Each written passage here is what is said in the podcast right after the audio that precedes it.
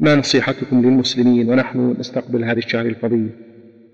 نصيحتي للمسلمين جميعا أن يتقوا الله جل وعلا وأن يستقبلوا شهرهم العظيم بتوبة صادقة بتوبة نصوح من جميع الذنوب وأن يتفقهوا في دينهم ويتعلموا أحكام صومهم وأحكام قيامهم. يقول النبي صلى الله عليه وسلم من يريد الله بخيرا يفقهه في الدين.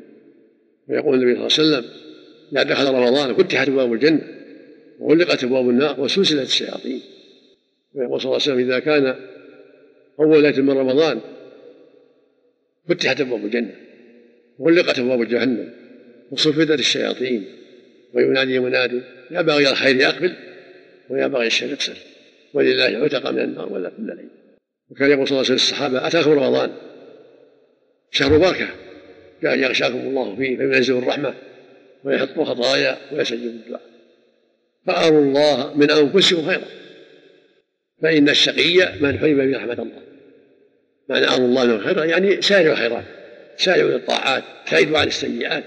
ويقول صلى الله عليه وسلم ومن صام رمضان إيمانا واحتسابا غفر له ما تقدم من ذنبه ومن قام رمضان إيمانا واحتسابا غفر له ما تقدم من ذنبه ومن قام إيمانا واحتسابا غفر له ما تقدم من ذنبه يقول الله جل وعلا كل عمل ابن آدم الحسنة بعشر امثاله إلا الصيام فإنه لي وأنا اجزي ترك شهوته وطعامه وشربه من أجل الصائم فرحتان.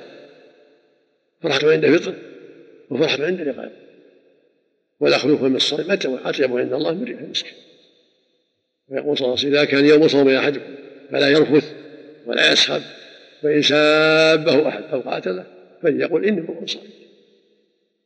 ويقول صلى الله عليه وسلم من لم يدع قول الزور والعمل به والجهل فليس لله حاجة في ان يدع طعامه وشرابه.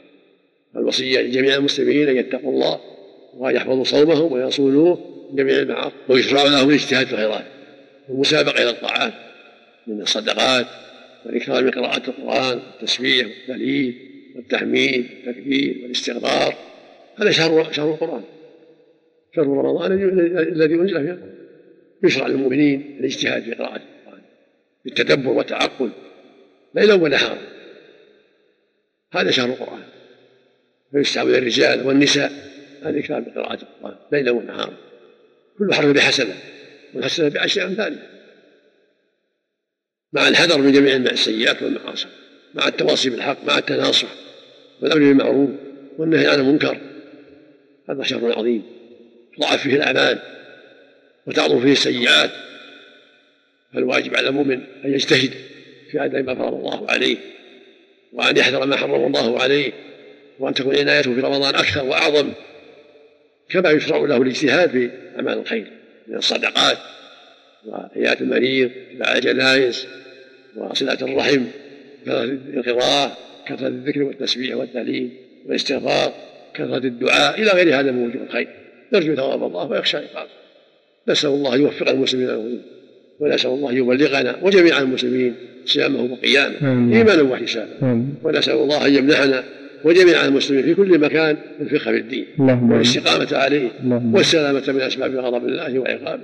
كما أسأله سبحانه أن يوفق جميع ولاة المسلمين. آمين. نسأل الله أن يوفق جميع ولاة أمر المسلمين. آمين. نسأل الله أن يوفق جميع أمراء المسلمين. آمين. نسأل الله أن يهديهم وأن يصلح أحوالهم.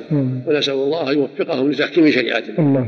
نسأل الله أن يوفقهم لتحكيم شريعة الله في عباد الله. تحكيم القرآن والسنة في جميع أمورهم في عباداتهم وأعمالهم وجميع شؤونهم. نسأل الله أن يوفقهم لذلك.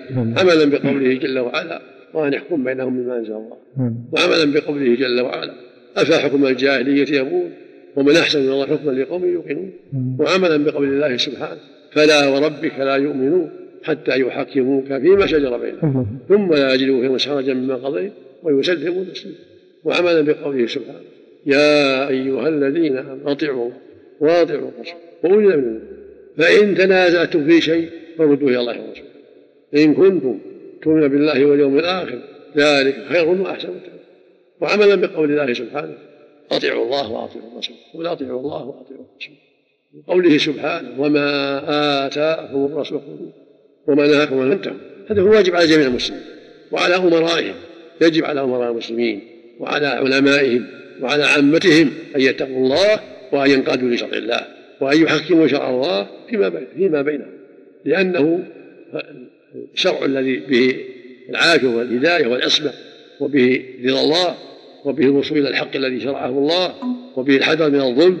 نسأل الله للجميع التوفيق والهداية وصلاح النيه والعمل. وصلى الله وسلم على نبينا محمد وعلى آله وصحبه.